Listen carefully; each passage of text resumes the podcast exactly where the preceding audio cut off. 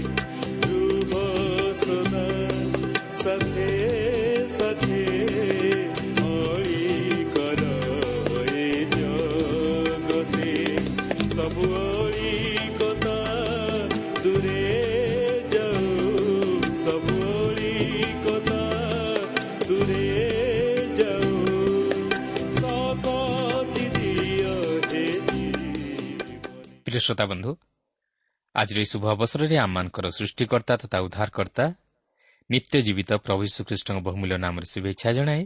ଆଜିର ଏହି ପଥ ପ୍ରଦର୍ଶିକା କାର୍ଯ୍ୟକ୍ରମକୁ ଆପଣଙ୍କୁ ସ୍ୱାଗତ ଜଣାଏ। ଆପଣଙ୍କର ସହଯୋଗ ତଥା ମତାମତ ନିମନ୍ତେ ବିଶେଷ ଧନ୍ୟବାଦ। ଆପଣ ଏହି କାର୍ଯ୍ୟକ୍ରମର ଜଣେ ନିୟମିତ ଶ୍ରୋତା ଜାଣି ଆମେ ବିଶେଷ ଖୁସି। ପ୍ରଭୁଙ୍କ ନାମକୁ ଧନ୍ୟବାଦ ଦେଉ। କେବଳ ସେତିକି ନୁହେଁ ଆପଣ ନିଜେ ଏହି କାର୍ଯ୍ୟକ୍ରମ ଶୁଣିବା ସଙ୍ଗେ ସଙ୍ଗେ ଅନ୍ୟମାନଙ୍କୁ ଶୁଣାଇବାରେ ଉତ୍ସାହିତ କରୁଥିବାର ଜାଣି ଆମେ ମଧ୍ୟ ଆପଣଙ୍କ ନିକଟରେ ବିଶେଷ ଧନ୍ୟବାଦୀ। ଆସନ୍ତୁ ପ୍ରଭୁଙ୍କର ବାକ୍ୟ ମଧ୍ୟ ଦେଇଯିବା ପୂର୍ବରୁ ସଂକ୍ଷେପରେ ପ୍ରାର୍ଥନା କରିବା। ପ୍ରିୟ ପବିତ୍ର ପ୍ରଭୁ ତୁମର ପବିତ୍ର ନାମରେ ଧନ୍ୟବାଦ କରୁଛି ସୁନ୍ଦର ସମୟ ପାଇଁ ତୁମର ଜୀବନ୍ତ ବାକ୍ୟ ପାଇଁ। ପ୍ରଭୁ ତୁମର ବାକ୍ୟ ମଧ୍ୟ ଦେଇ ତୁମେ ଆମମାନଙ୍କ ସହିତ କଥା କୁହ। ତୁମର ପବିତ୍ର ଉପସ୍ଥିତି ଆମମାନଙ୍କୁ ଉପଲବ୍ଧି କରିବା ପାଇଁ ଦିଅ। ପ୍ରତ୍ୟେକ ଶ୍ରୋତାବନ୍ଧୁମାନଙ୍କର ହୃଦୟକୁ ତୁମେ ସ୍ପର୍ଶ କର। ପ୍ରତ୍ୟେକଙ୍କର ସମସ୍ୟା ତୁମେ ସମାଧାନ କର। ପ୍ରତ୍ୟେକଙ୍କର ମନୋମାଂଛ ତୁମେ ପୂର୍ଣ୍ଣ କର। ପ୍ରତ୍ୟେକଙ୍କ ଜୀବନ ମଧ୍ୟ ଦେଇ ତୁମେ ଗୌରବାନ୍ୱିତ ହୁଅ। ଆଜିର ଏହି କାର୍ଯ୍ୟକ୍ରମ ମଧ୍ୟ ଦେଇ ତୁମେ ଆମମାନଙ୍କୁ ଆଶୀର୍ବାଦ କର। ଏହି ସମସ୍ତ ପ୍ରାର୍ଥନା ଆମମାନଙ୍କର ଉଦ୍ଧାରକର୍ତ୍ତା ଜୀବିତ ପୁନରୁଦ୍ଧିତ ପ୍ରିୟ ପ୍ରଭୁ ଯୀଶୁଙ୍କ ନାମରେ ଅଳ୍ପ ଭିକ୍ଷା ମାଗୁଅଛୁ।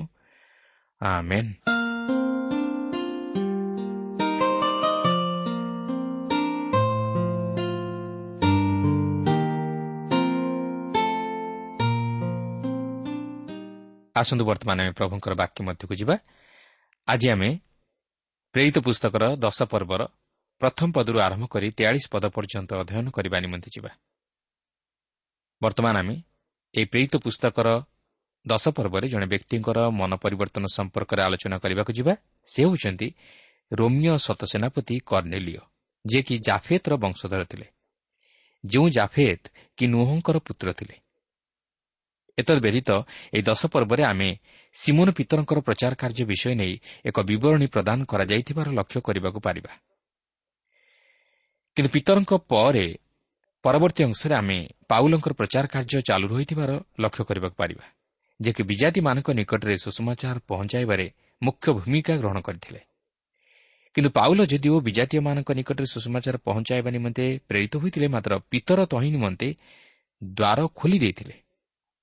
କାରଣ ପିତର ହେଉଛନ୍ତି ପ୍ରଥମ ବ୍ୟକ୍ତି ଯିଏକି ବିଜାତିମାନଙ୍କ ନିକଟରେ ସୁଷମାଚାର ପହଞ୍ଚାଇଥିଲେ। ସେ କର୍ଣ୍ଣିଲିୟ ଓ ତାହାଙ୍କର ସମସ୍ତ ପରିବାର ବର୍ଗଙ୍କ ନିକଟରେ ପ୍ରଭୁ ଯୀଶୁଙ୍କର ସେହି ପରିତାଣଜନକ ସମ୍ବାଦ ପ୍ରଚାର କରି ସେହି ପରିବାରକୁ ଖ୍ରୀଷ୍ଟଙ୍କ ନିକଟକୁ ଆଣିଥିଲେ।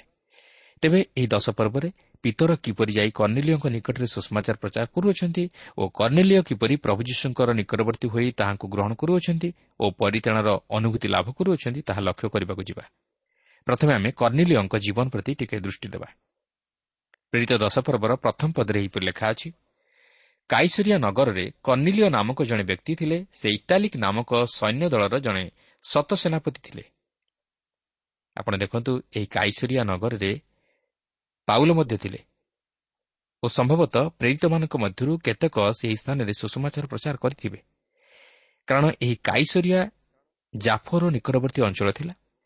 ଓ ଏହା ଏକ ରୋମିଓ ନଗର ଥିଲା। ଜଣେ ଯଦି ଜାଫରୁ ଯାତ୍ରା କରେ ତାହେଲେ ତାହାକୁ ଯେକୌଣସି ମତେ କାଇସରିଆ ମଧ୍ୟ ଦେଇ ଯିବାକୁ ପଡ଼େ। ଏହି ସ୍ଥାନରେ ପିଲା ତ ଯିଏକି ରୋମିଓ ଶାସନକର୍ତ୍ତା ସେ ମଧ୍ୟ ବାସ କରୁଥିଲେ।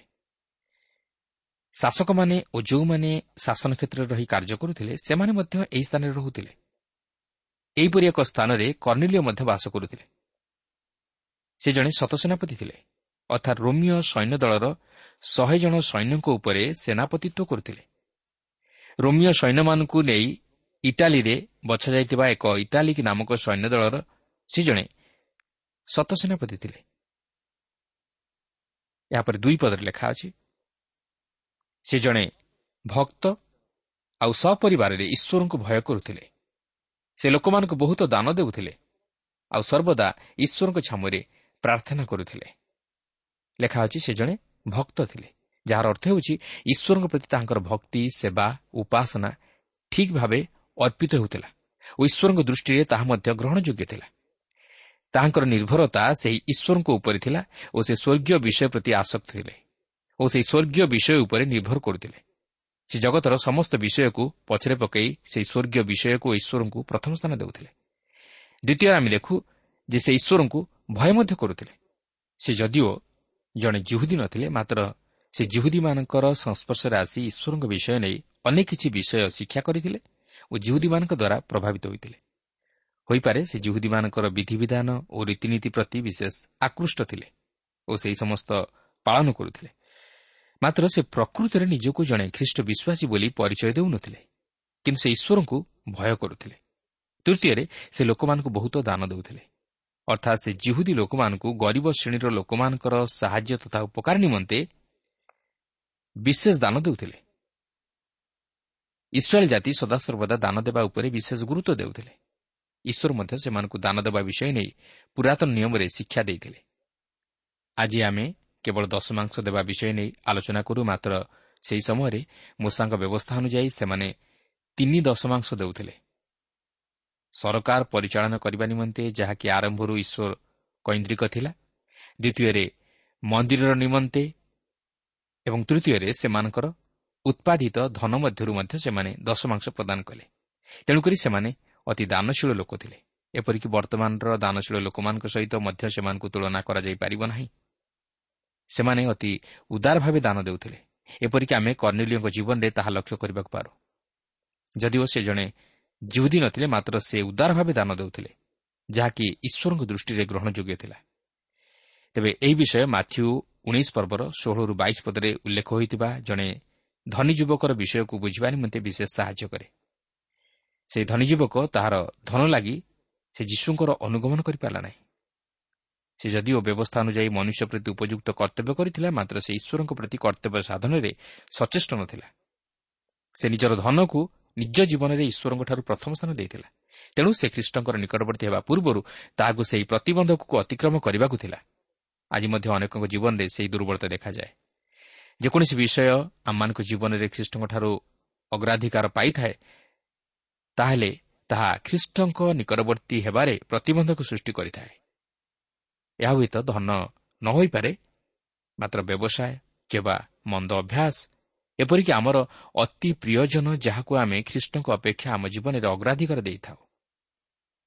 ଚତୁର୍ଥରେ କର୍ଣ୍ଣିଲିୟ ପ୍ରାର୍ଥନାଶୀଳ ଜୀବନ ବିତାଉଥିଲେ। ସେ ପ୍ରାର୍ଥନା କରିବାରେ ଅବହେଳା କରୁନଥିଲେ। ସେ ତାହାଙ୍କର ସମସ୍ତ ବିଷୟ ପ୍ରାର୍ଥନାରେ ରଖୁଥିଲେ।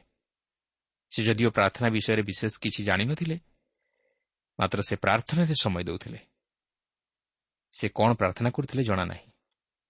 ମାତ୍ର ତାହାଙ୍କର ପ୍ରାର୍ଥନା ଈଶ୍ୱରଙ୍କ ନିକଟରେ ଗ୍ରହଣଯୋଗ୍ୟ ଥିଲା।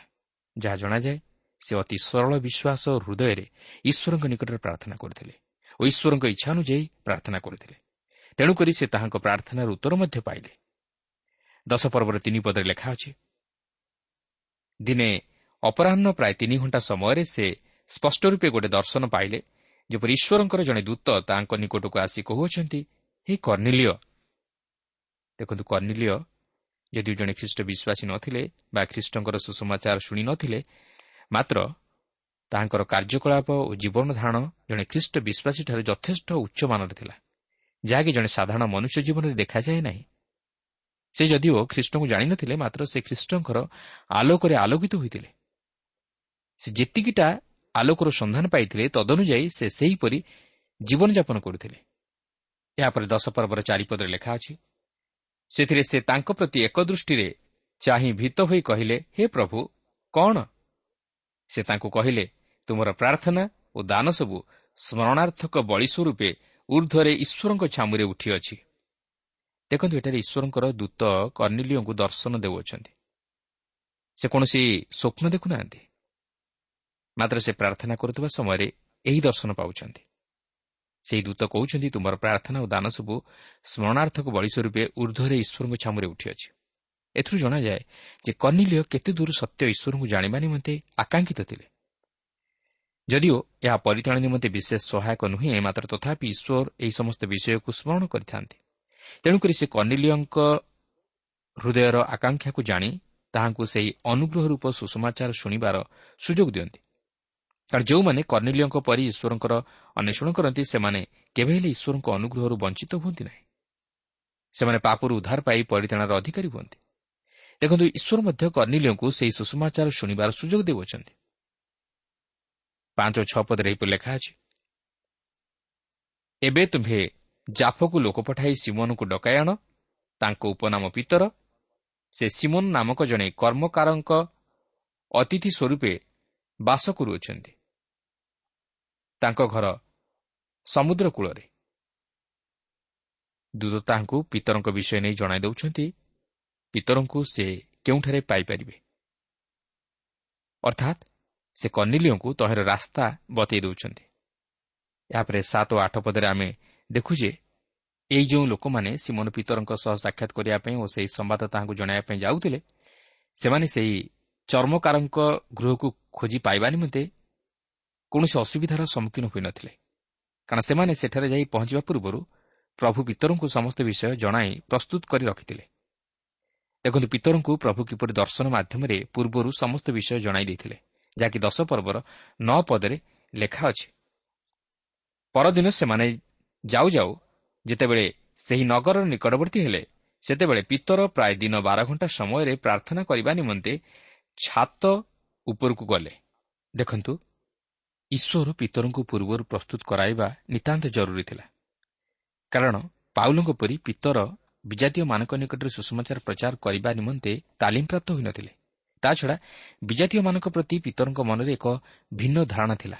ତେଣୁକରି କର୍ଣ୍ଣିଲିଓଙ୍କ ନିକଟରେ ସୁଷମାଚାର ପ୍ରଚାର କରିବା ପୂର୍ବରୁ ଈଶ୍ୱର ପିତରଙ୍କୁ ଦର୍ଶନ ମାଧ୍ୟମରେ ଏକ ପ୍ରକାର ତାଲିମ ଦେଇଥିଲେ ଯେପରି ପିତର ମନରେ କୌଣସି ଦ୍ୱିଧାଭାବ ନ ବହି ବିଜାତୀୟମାନଙ୍କ ନିକଟରେ ସୁଷମାଚାର ଘୋଷଣା କରନ୍ତି। ତେଣୁ ସେ ଯେତେବେଳେ ପ୍ରାର୍ଥନା କରିବାକୁ ଯାଉଛନ୍ତି ସେତେବେଳେ ଦର୍ଶନ ମାଧ୍ୟମରେ ପ୍ରଭୁ ତାହାଙ୍କୁ ସମସ୍ତ ବିଷୟ ଜଣାଇ ଦେଇଛନ୍ତି। ସେହି ଦର୍ଶନଟି ଏହି ପ୍ରକାର ଥିଲା ଯାହାକି ଦଶପଦରୁ ବାରପଦ ମଧ୍ୟରେ ଲେଖା ଅଛି। ଆଉ ସେ କ୍ଷୁଦିତ ହୋଇ ଭୋଜନ କରିବାକୁ ଇଚ୍ଛା କଲେ କିନ୍ତୁ ସେମାନେ ଖାଦ୍ୟ ପ୍ରସ୍ତୁତ କରୁଥିବା ସମୟରେ ସେ ମୂର୍ଚ୍ଚିତ ହୋଇ ଦର୍ଶନ ପାଇ ଦେଖିଲେ ଆକାଶ ଉନ୍ମୁକ୍ତ ହୋଇଅଛି ପୁଣି ଗୋଟିଏ ପାତ୍ର ତଳକୁ ଆସୁଅଛି ଯେପରି ଗୋଟିଏ ବଡ଼ ଚାଦର ଚାରିକୋଣରେ ଧରା ହୋଇ ପୃଥିବୀ ଉପରକୁ ଖସାଇ ଦିଆଯାଉଅଛି। ସେଥିରେ ପୃଥିବୀର ସର୍ବପ୍ରକାର ଚତୁଷ୍ପଦ ପ୍ରାଣୀ ସରୀସୃପ ଓ ଆକାଶର ପକ୍ଷୀଗୁଡ଼ିକ ଅଛନ୍ତି। ଲକ୍ଷ୍ୟ କରନ୍ତୁ ସେହି ଦର୍ଶନରେ ପୃଥିବୀର ସର୍ବପ୍ରକାର ପଶୁଗୁଡ଼ିକ ପକ୍ଷୀଗୁଡ଼ିକ ଓ ସରୀସୃପଗୁଡ଼ିକ ଅଛନ୍ତି। ଏହାପରେ ତେର ଓ ଚଉଦ ପଦରେ ଲେଖା ଅଛି ଆଉ ତାଙ୍କ ପ୍ରତି ଏହି ବାଣୀ ହେଲା ହେ ପିତର ଉଠ ବଧ କରି ଭୋଜନ କର। କିନ୍ତୁ ପିତର କହିଲେ ନାହିଁ ପ୍ରଭୁ ମୁଁ କେବେ ହେଲେ କୌଣସି ଅପବିତ୍ର ଅସୁଚି ପଦାର୍ଥ ଭୋଜନ କରିନାହିଁ। ଦେଖନ୍ତୁ ପିତର ଯେତେବେଳେ ସେହି ଦର୍ଶନ କଥା ଚିନ୍ତା କରି କିଛି ବୁଝିପାରୁନାହାନ୍ତି ସେତେବେଳେ ଏକ ବାଣୀ ହେଉଛି ହେ ପିତର ଉଠ ବଧ କରି ଭୋଜନ କର। କିନ୍ତୁ ଏକ କୌତୁହଳର ବିଷୟ ଆପଣ ଲକ୍ଷ୍ୟ କରିବେ ଯେ ପିତର ଯଦିଓ ପ୍ରଭୁ ବୋଲି କହି ପ୍ରତ୍ୟୁତ୍ତର ଦେଉଛନ୍ତି ମାତ୍ର ପ୍ରଭୁ ଯାହା କହୁଅଛନ୍ତି ତାହା ସେ କରିବା ନିମନ୍ତେ ରାଜି ହେଉନାହାନ୍ତି। ସେ କହୁଛନ୍ତି ନାହିଁ ପ୍ରଭୁ ମୁଁ କେବେ ହେଲେ କୌଣସି ଅପବିତ୍ର ଅସୁଚି ପଦାର୍ଥ ଭୋଜନ କରିନାହିଁ। ପିତର ଏପରି କହିବାର କାରଣ ମଧ୍ୟ ଅଛି। ପିତର ଯଦିଓ ଅନୁଗ୍ରହର ସମୟ ମଧ୍ୟରେ ଆସି ପହଞ୍ଚି ଯାଇଛନ୍ତି ଓ ପୁରାତନ ନିୟମର ବ୍ୟବସ୍ଥାର ଅଧୀନରୁ ମୁକ୍ତ ହୋଇଯାଇଛନ୍ତି ମାତ୍ର ସେ ତଥାପି ଏଠାରେ ମୂଷାଙ୍କର ବ୍ୟବସ୍ଥାକୁ ଅତି ଦୃଢ଼ ରୂପେ ଧରି ରଖିଛନ୍ତି। କାରଣ ମୂଷାଙ୍କର ବ୍ୟବସ୍ଥା ଅନୁଯାୟୀ କୌଣସି ଅସୁଚି ପଶୁ ବା ପକ୍ଷୀକୁ ଭୋଜନ କରିବା ନିମନ୍ତେ ବାରଣ କରାଯାଇଥିଲା। କିନ୍ତୁ ପ୍ରଭୁ ତାହାଙ୍କୁ ଜଣାଇ ଦେବାକୁ ଚାହାନ୍ତି ଯେ ସେ ଆଉ ବ୍ୟବସ୍ଥାର ଅଧୀନରେ ନାହାନ୍ତି ମାତ୍ର ସେ ସମସ୍ତ କିଛି ଭୋଜନ କରିପାରିବେ। କାରଣ ପ୍ରଭୁ ଯୀଶୁ ଖ୍ରୀଷ୍ଟ ବ୍ୟବସ୍ଥା ଅନୁଯାୟୀ ସମସ୍ତ ଧର୍ମକର୍ମ ସାଧନ କରି ବ୍ୟବସ୍ଥାର ଅଧୀନରୁ ମୁକ୍ତ କରିଅଛନ୍ତି। କିନ୍ତୁ ଆଜି ମଧ୍ୟ ଏହିପରି ଅନେକ ଲୋକ ଅଛନ୍ତି ଯେଉଁମାନେ ମାଂସ ଭୋଜନ କରନ୍ତି ନାହିଁ ଓ ଅନ୍ୟମାନଙ୍କୁ ମଧ୍ୟ ମାଂସ ଭୋଜନ କରିବା ନିମନ୍ତେ ନିଷେଧ କରନ୍ତି। କିନ୍ତୁ ପ୍ରିୟ ବନ୍ଧୁ ଏହି ଅନୁଗ୍ରହର ଯୁଗରେ ଆପଣ ମାଂସ ଭୋଜନ କରନ୍ତୁ ବା ନ କରନ୍ତୁ ତହିଁରେ କିଛି ଯାଏ ଆସେ ନାହିଁ। ତାହା ଆପଣଙ୍କର ରୁଚି ଉପରେ ନିର୍ଭର କରେ। ହୋଇପାରେ କେତେକ ଅଖାଦ୍ୟ ଭୋଜନ କରିବା ଦ୍ୱାରା ଆପଣଙ୍କର ଶରୀରର କ୍ଷତି ଘଟିପାରେ କିନ୍ତୁ ଏହା ପ୍ରଭୁଙ୍କ ସହଭାଗିତାରୁ କୌଣସି ମନୁଷ୍ୟକୁ ବଞ୍ଚିତ କରିପାରେ ନାହିଁ। ତେବେ ପ୍ରଭୁ ତାହାଙ୍କୁ କି ପ୍ରତ୍ୟୁତ୍ତର ଦେଉଛନ୍ତି ଲକ୍ଷ୍ୟ କରନ୍ତୁ। ପନ୍ଦର ପଦରେ ଲେଖା ଅଛି ପୁନଶ୍ଚ ଦ୍ୱିତୀୟ ଥର ତାଙ୍କ ପ୍ରତି ଏହି ବାଣୀ ହେଲା ଈଶ୍ୱର ଯାହା ସୂଚୀ କରିଅଛନ୍ତି ତାହା ତୁମେ ଅସୁଚି ବୋଲି ନ କୁହ। ଈଶ୍ୱର କହନ୍ତି ମୁଁ ଯାହା ସୂଚୀ କରିଅଛି ତୁମେ ତାହାକୁ ଅସୁଚି ବୋଲି ନ କୁହ। ଅନ୍ୟ ଅର୍ଥରେ କହିବାକୁ ଗଲେ ଈଶ୍ୱର ପିତରଙ୍କୁ କହନ୍ତି ତୁମେ ସମସ୍ତ କିଛି ଭୋଜନ କରିପାର ଯେହେତୁ ମୁଁ ତାହା ସୂଚୀ କରିଅଛି। ଷୋହଳ ପଦରେ ଲେଖା ଅଛି ଏହି ପ୍ରକାର ତିନିଥର ହେଲା ଆଉ ତତ୍କ୍ଷଣାତ୍ ସେହି ପାତ୍ରଟି ଆକାଶକୁ ଉଠାଇ ନିଆଗଲା। ତେବେ ପିତର ଏପର୍ଯ୍ୟନ୍ତ ମଧ୍ୟ ସେହି ଦର୍ଶନର ପ୍ରକୃତ ଭାବକୁ ବୁଝିପାରି ନାହାନ୍ତି। କିନ୍ତୁ ସତର ପଦରୁ ବାଇଶ ପଦ ମଧ୍ୟରେ ଅଧ୍ୟୟନ କଲେ ଆମେ ଜାଣିପାରିବା ଯେ ପିତର ସେହି ଘଟଣା ମାଧ୍ୟମରେ ପରେ ତହିଁର ଭାବ ବୁଝିପାରିଥିଲେ। ପିତର ବର୍ତ୍ତମାନ ସେହି କାଇଶ୍ୱରିଆ ଅଞ୍ଚଳକୁ ଯିବାକୁ ଅଛି। ସେ ବର୍ତ୍ତମାନ କର୍ଣ୍ଣିଲିଓଙ୍କ ଦ୍ୱାରା ପ୍ରେରିତ ଦାସମାନଙ୍କଠାରୁ ସମ୍ବାଦ ପାଇ ତାହାଙ୍କ ଦର୍ଶନର ଭାବ ବୁଝିପାରିଛନ୍ତି। ସେ ସେମାନଙ୍କର ନିମନ୍ତ୍ରଣ ରକ୍ଷା କରି କର୍ଣ୍ଣିଲିଓଙ୍କ ଗୃହକୁ ଯିବା ନିମନ୍ତେ ପ୍ରସ୍ତୁତ ହେଉଛନ୍ତି। କିନ୍ତୁ ଏଠାରେ ଆମେ ଦେଖୁ ଯେ ଈଶ୍ୱର ଯିଏ କେବଳ ଇସ୍ରାଏଲ୍ ଜାତିର ଈଶ୍ୱର ତାହା ନୁହେଁ ମାତ୍ର ସେ ସମଗ୍ର ମାନବ ଜାତିର ଈଶ୍ୱର। ଓ ସେ ସମଗ୍ର ମାନବ ଜାତିର ଉଦ୍ଧାର ନିମନ୍ତେ ସେହି ପ୍ରାୟଶ୍ଚିତ କାର୍ଯ୍ୟ ସାଧନ କଲେ। ସେହି ପ୍ରଭୁ ଯୀଶୁଖ୍ରୀଷ୍ଟ ତାଙ୍କର ସେହି ପବିତ୍ର ରକ୍ତ ଦ୍ୱାରା ସମଗ୍ର ମାନବ ଜାତି ନିମନ୍ତେ ପରିତ୍ରାଣ ସାଧନ କରିଅଛନ୍ତି। ଯୌନ ତିନି ପର୍ବର ଷୋହଳ ପଦରେ ଲେଖା ଅଛି କାରଣ ଈଶ୍ୱର ଜଗତକୁ ଏଡ଼େ ପ୍ରେମ କଲେ ଯେ ସେ ଆପଣ ଅଦ୍ୱିତୀୟ ପୁତ୍ରଙ୍କୁ ଦାନ କଲେ। ଯେପରି ଯେ କେହି ତାହାଙ୍କଠାରେ ବିଶ୍ୱାସ କରେ ସେ ବିନଷ୍ଟ ନ ହୋଇ ଅନନ୍ତ ଜୀବନ ପ୍ରାପ୍ତ ହୁଏ। ତେଣୁ ଆସୁ ସେହି ପ୍ରଭୁ ଯୀଶୁଖ୍ରୀଷ୍ଟଙ୍କଠାରେ ବିଶ୍ୱାସ କରି ଅନନ୍ତ ଜୀବନର ଅଧିକାରୀ ହେଉ।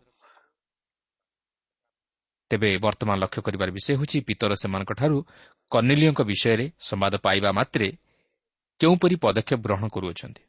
ଦଶ ପର୍ବର ତେଇଶ ପଦରୁ ପଚିଶ ପଦ ମଧ୍ୟରେ ଲେଖା ଅଛି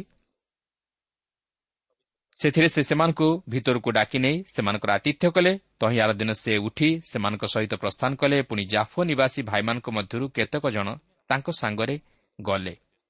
ପରଦିନ ସେମାନେ କାଇସରିଆରେ ପ୍ରବେଶ କଲେ। ଆଉ କର୍ଣ୍ଣିଲିଓ ଆପଣା ଆତ୍ମୀୟ ଓ ନିକଟସ୍ଥ ବନ୍ଧୁମାନଙ୍କୁ ଡାକି ଏକତ୍ର କରି ସେମାନଙ୍କ ଅପେକ୍ଷାରେ ଥିଲେ। ପିତର ପ୍ରବେଶ କରନ୍ତେ କର୍ଣ୍ଣିଲିଓ ତାଙ୍କୁ ଦେଖି ଚରଣ ତଳେ ପଡ଼ି ତାଙ୍କୁ ପ୍ରଣାମ କଲେ। ଏଠାରେ ଆମେ ଲକ୍ଷ୍ୟ କରୁଛୁ ଯେ କର୍ଣ୍ଣିଲିଓ ତାହାଙ୍କ ପରିବାର ଓ ବନ୍ଧୁମାନଙ୍କ ସହିତ ଅତି ପରିଚିତ ଥିଲେ ଓ ସେମାନଙ୍କ ସହିତ ତାହାଙ୍କର ଅତି ଉତ୍ତମ ସମ୍ପର୍କ ଥିଲା। ତାଛଡ଼ା ଆମେ ଦେଖୁ ଯେ କର୍ଣ୍ଣିଲିଓ ମଧ୍ୟ ଜଣେ ବିଜାତି ଥିଲେ। ସେ ସେ ପର୍ଯ୍ୟନ୍ତ ଖ୍ରୀଷ୍ଟଙ୍କୁ ଗ୍ରହଣ କରିନଥିଲେ। ଯେତେବେଳେ ଦୂତ ତାହାଙ୍କୁ ପରାମର୍ଶ ଦେଉଛନ୍ତି ଯେ ପିତରଙ୍କୁ ଡକାଉ ବୋଲି ସେତେବେଳେ ସେ ଜାଣିପାରୁଛନ୍ତି ଯେ ପିତର ନିଶ୍ଚିତ ଭାବେ ଜଣେ ମହାନ ଭକ୍ତ ହୋଇଥିବେ। ତେଣୁ ପିତର ଯେତେବେଳେ ଆସି ତାହାଙ୍କ ଗୃହରେ ପ୍ରବେଶ କରିଛନ୍ତି ସେତେବେଳେ ସେ ପିତରଙ୍କୁ ଭେଟି ତାହାଙ୍କ ଚରଣ ତଳେ ପଡ଼ି ତାଙ୍କୁ ପ୍ରଣାମ କଲେ।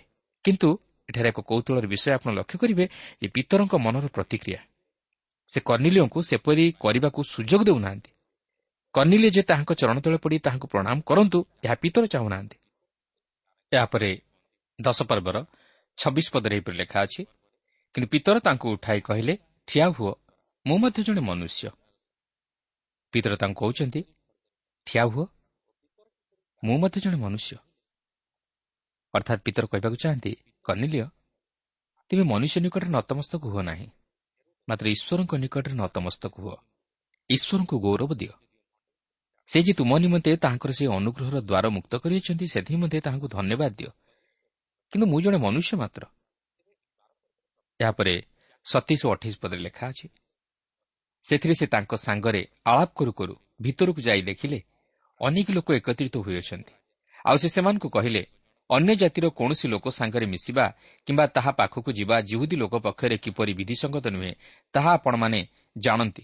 ତଥାପି କୌଣସି ଲୋକକୁ ଅପବିତ୍ର କି ଅସୁଚି ବୋଲି ନ କହିବାକୁ ଈଶ୍ୱର ମୋତେ ଦେଖାଇଅଛନ୍ତି ଦେଖନ୍ତୁ ପିତର ଯେଉଁ ଦର୍ଶନ ଦେଖିଥିଲେ ତହିଁର ଭାବ ଯେ ପିତର ବୁଝିପାରିଥିଲେ ତାହା ଆମେ ଏହି ଅଂଶରେ ଲକ୍ଷ୍ୟ କରିବାକୁ ପାରୁଛୁ। ପିତର ଯଦିଓ କୌଣସି ବିଜାତୀୟର ଗୃହକୁ ଯିବାକୁ ଚାହୁଁନଥିଲେ ମାତ୍ର ସେ ଈଶ୍ୱରଙ୍କର ଆଦେଶକୁ ଅମାନ୍ୟ କରିପାରିଲେ ନାହିଁ। ପିତର କହନ୍ତି କୌଣସି ଲୋକକୁ ଅସୁଚି ନ କହିବା ପାଇଁ ଈଶ୍ୱର ମୋତେ କହିଅଛନ୍ତି। ଅର୍ଥାତ୍ ସେ ସେହି ଦର୍ଶନର ଭାବକୁ ବୁଝିପାରିଲେ। କାରଣ ଆମେ ପ୍ରତ୍ୟେକ ପାପି। ଓ ଆମେ ପ୍ରତ୍ୟେକ ମଧ୍ୟ ଉଦ୍ଧାର ପାଇପାରିବା। ପ୍ରକୃତରେ ଈଶ୍ୱରଙ୍କ ନିକଟରେ ସମସ୍ତେ ସମାନ। ଈଶ୍ୱର ପ୍ରତ୍ୟେକଙ୍କୁ ପ୍ରେମ କରନ୍ତି ଓ ପ୍ରତ୍ୟେକଙ୍କୁ ଉଦ୍ଧାର କରିବାକୁ ଚାହାନ୍ତି। ତେଣୁକରି ସେ ପିତରଙ୍କ ଦ୍ୱାରା ମଧ୍ୟ କର୍ଣ୍ଣିଲିୟ ଓ ତାହାଙ୍କର ପରିବାରକୁ ରକ୍ଷା କରିବାକୁ ଚାହିଁଲେ। ଦେଖନ୍ତୁ ପିତର ଆଉ କ'ଣ କହନ୍ତି? ଅଣତିରିଶ ପଦରେ ଲେଖା ଅଛି। ସେଥିପାଇଁ ମୋତେ ଆହ୍ୱାନ କରାଯିବା ମାତ୍ର ମୁଁ ମଧ୍ୟ ଆପତ୍ତି ନ କରି ଆସିଲି। ଏଣୁ ମୁଁ ପଚାରେ କି ନିମନ୍ତେ ଆପଣମାନେ ମୋତେ ଡକାଇ ଅଛନ୍ତି? ଏଠାରେ ଏକ ଆଶ୍ଚର୍ଯ୍ୟର ବିଷୟ ଲକ୍ଷ୍ୟ କରିବେ ଯେ ପିତର ସିଧାସଳଖ ପ୍ରଭୁ ଯୀଶୁଖ୍ରୀଷ୍ଟଙ୍କ ସୁଷମାଚାର ପ୍ରଚାର କରିବା ପରିବର୍ତ୍ତେ ସେ ସେମାନଙ୍କୁ ପ୍ରଶ୍ନ କରୁଛନ୍ତି କି ନିମନ୍ତେ ଆପଣମାନେ ମୋତେ ଡକାଇ ଅଛନ୍ତି? ପିତର ଏପରି ପ୍ରଶ୍ନ କରିବାର କାରଣ କ'ଣ ଥିଲା? ଏହାର କାରଣ ହେଉଛି ପବିତ୍ର ଆତ୍ମା ପିତରଙ୍କୁ ସିଧାସଳଖ ସେଠାରେ ପ୍ରଚାର କରିବା ନିମନ୍ତେ ଅନୁମତି ଦେଇନଥିଲେ। ଅପରପକ୍ଷରେ କର୍ଣ୍ଣିଲିଓଙ୍କ ହୃଦୟରେ କଥା କହିଥିଲେ ଯେପରି କର୍ଣ୍ଣିଲିଓ ତାହାଙ୍କ ହୃଦୟର ଭାବ ପରିଷ୍କାର ଭାବେ ପ୍ରକାଶ କରନ୍ତି। ବାସ୍ତବରେ ପବିତ୍ର ଆତ୍ମାଙ୍କର ଚାଳନା ଓ ପ୍ରେରଣା ନିତାନ୍ତ ଆବଶ୍ୟକ। ଯେପର୍ଯ୍ୟନ୍ତ ପବିତ୍ର ଆତ୍ମା ଆମମାନଙ୍କ ମୁଖ ଦେଇ ତାହାଙ୍କର ବକ୍ତବ୍ୟ କଥା ପ୍ରକାଶ କରିନାହାନ୍ତି ସେ ପର୍ଯ୍ୟନ୍ତ ଆମର ପ୍ରଚାର କେବେ ହେଲେ ଫଳପ୍ରଦ ହୋଇପାରିବ ନାହିଁ। ତେଣୁ ପ୍ରଚାର କାର୍ଯ୍ୟରେ ପବିତ୍ର ଆତ୍ମାଙ୍କର ଚାଳନା ନିତାନ୍ତ ଆବଶ୍ୟକ। ପିତର ହଠାତ୍ ସଙ୍ଗେ ସଙ୍ଗେ ପ୍ରଚାର କରିବା ଆରମ୍ଭ କରିଦେଲେ ନାହିଁ। ସେ ପ୍ରଥମେ ଘଟଣା ସମ୍ପର୍କରେ କିଛି ଜାଣିବାକୁ ଚାହିଁଲେ। ଏହି ଘଟଣା ପଛରେ ପ୍ରକୃତ ଗୁଢ଼ ରହସ୍ୟ କ'ଣ ଅଛି ତାହା ସେ ଜାଣିବାକୁ ଚାହିଁଲେ। ଦେଖନ୍ତୁ ତିରିଶରୁ ତେତିଶ ପଦରେ ଏହିପରି ଲେଖା ଅଛି। କର୍ଣ୍ଣିଲିୟ କହିଲେ ଚାରିଦିନ ପୂର୍ବେ ଠିକ୍ ଏହି ସମୟରେ ମୁଁ ଆପଣା ଗୃହରେ ଅପରାହ୍ନ ତିନି ଘଣ୍ଟା ସମୟରେ ପ୍ରାର୍ଥନା କରୁଥିଲି। ଆଉ ଦେଖନ୍ତୁ ଉଜ୍ଜଳ ବସ୍ତ୍ର ପରିହିତ ଜଣେ ବ୍ୟକ୍ତି ମୋ ସମ୍ମୁଖରେ ଠିଆ ହୋଇ କହିଲେ କର୍ଣ୍ଣିଲିୟ ତୁମ୍ଭର ପ୍ରାର୍ଥନା ଶୁଣାଯାଇଅଛି ପୁଣି ତୁମ୍ଭର ଦାନ ସବୁ ଈଶ୍ୱରଙ୍କ ସାକ୍ଷାତରେ ସ୍ମରଣ କରାଯାଇଅଛି। ଅତଏବ ଜାଫକୁ ଲୋକ ପଠାଇ ପିତର ଉପନାମ ପ୍ରାପ୍ତ ସିମନକୁ ପାଖକୁ ଡକାଇ ଆଣ। ସେ ସମୁଦ୍ର କୂଳରେ ସିମନ ଚର୍ମକାରଙ୍କ ଗୃହରେ ଅତିଥି ସ୍ୱରୂପେ ବାସ କରୁଅଛନ୍ତି। ଏ ନିମନ୍ତେ ମୁଁ ଅବିଳମ୍ବରେ ଆପଣଙ୍କ ନିକଟକୁ ଲୋକ ପଠାଇଲି। ଆଉ ଆପଣ ଯେ ଆସିଅଛନ୍ତି ଭଲ କରିଅଛନ୍ତି। ଅତଏବ ପ୍ରଭୁ ଆପଣଙ୍କୁ ଯାହା ସବୁ ଆଦେଶ ଦେଇଅଛନ୍ତି ତାହା ଶୁଣିବା ନିମନ୍ତେ ଆମମାନେ ସମସ୍ତେ ଈଶ୍ୱରଙ୍କ ସାକ୍ଷାତରେ ଉପସ୍ଥିତ ଅଛୁ।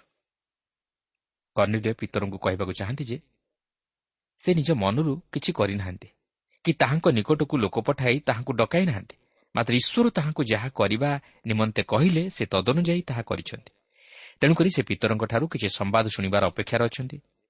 ଈଶ୍ୱର ଯେ ପିତରଙ୍କ ମୁଖ ଦ୍ୱାରା ତାହାଙ୍କର ବକ୍ତବ୍ୟ କଥା ତାହାଙ୍କୁ ଜଣାଇବେ ତାହା ସେ ପିତରଙ୍କ ମୁଖରୁ ଶୁଣିବା ନିମନ୍ତେ ଆଶା କରିଛନ୍ତି। ତେବେ ପିତର ତାହାଙ୍କୁ କ'ଣ କହୁଛନ୍ତି? ଆସନ୍ତୁ ଲକ୍ଷ୍ୟ କରିବା। ଦଶ ପର୍ବର ଚଉତିରିଶରୁ ସଇଁତିରିଶ ପଦ ମଧ୍ୟରେ ଲେଖା ଅଛି ସେଥିରେ ପିତର ମୁଖ ଫିଟାଇ କହିଲେ ଈଶ୍ୱର ଯେ ମୁଖାପେକ୍ଷା କରନ୍ତି ନାହିଁ କିନ୍ତୁ ପ୍ରତ୍ୟେକ ଜାତିରେ ଯେ କେହି ତାହାଙ୍କୁ ଭୟ କରି ଧର୍ମାଚରଣ କରେ ସେ ଯେ ତାହାଙ୍କ ନିକଟରେ ଗ୍ରାହ୍ୟ ହୁଏ ଏହା ମୁଁ ସତ୍ୟ ବୁଝୁଅଛି। ସେ ତ ଯୀଶୁଖ୍ରୀଷ୍ଟଙ୍କ ଦ୍ୱାରା ଶାନ୍ତିର ସୁସମାଚାର ପ୍ରଚାର କରାଇ ଇସ୍ରାଏଲ୍ ସନ୍ତାନମାନଙ୍କ ନିକଟକୁ ଏହି ବାକ୍ୟ ପ୍ରେରଣ କଲେ। ସେହି ଯୀଶୁଖ୍ରୀଷ୍ଟ ସମସ୍ତଙ୍କର ପ୍ରଭୁ। ଜୋହନଙ୍କ ପ୍ରଚାରିତ ବାପ୍ତିଷ୍ମ ପରେ ଗାଲିଠାରୁ ଆରମ୍ଭ କରି ସମୁଦାୟ ଜୁହୁଦା ପ୍ରଦେଶରେ ଯାହା ଯାହା ଘଟିଲା ସେଥିର ବିବରଣ ଆପଣମାନେ ଜାଣନ୍ତି।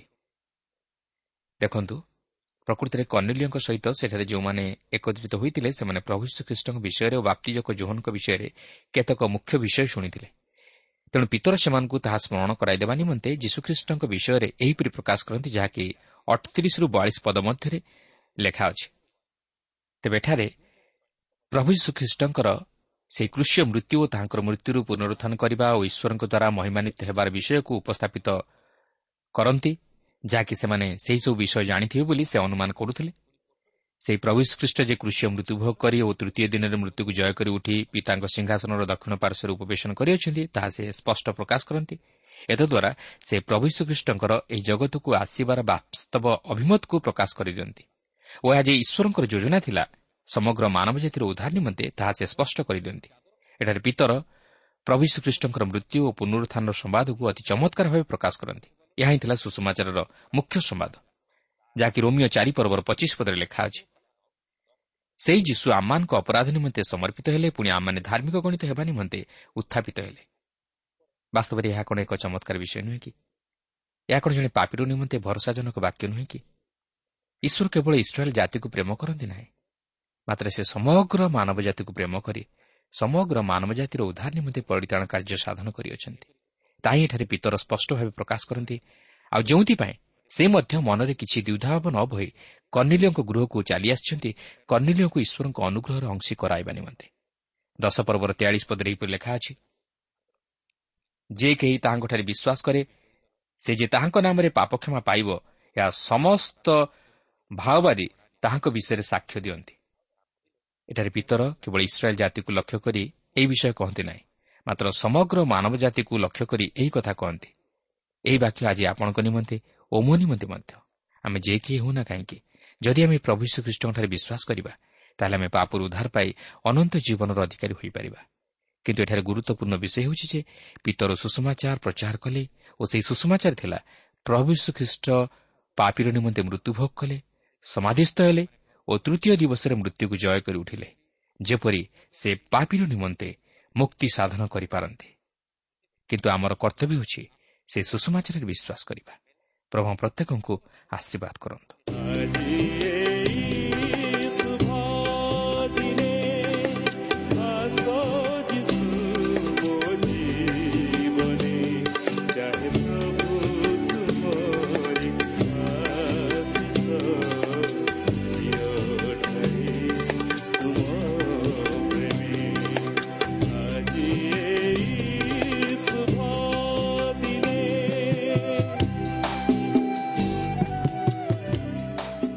ଶ୍ରୋତା ଆପଣ ଈଶ୍ୱରଙ୍କ ବାକ୍ୟ ଶୁଣିବା ନିମନ୍ତେ ସମୟ ଦେଇଥିବାରୁ ଆମେ ଧନ୍ୟବାଦୀ।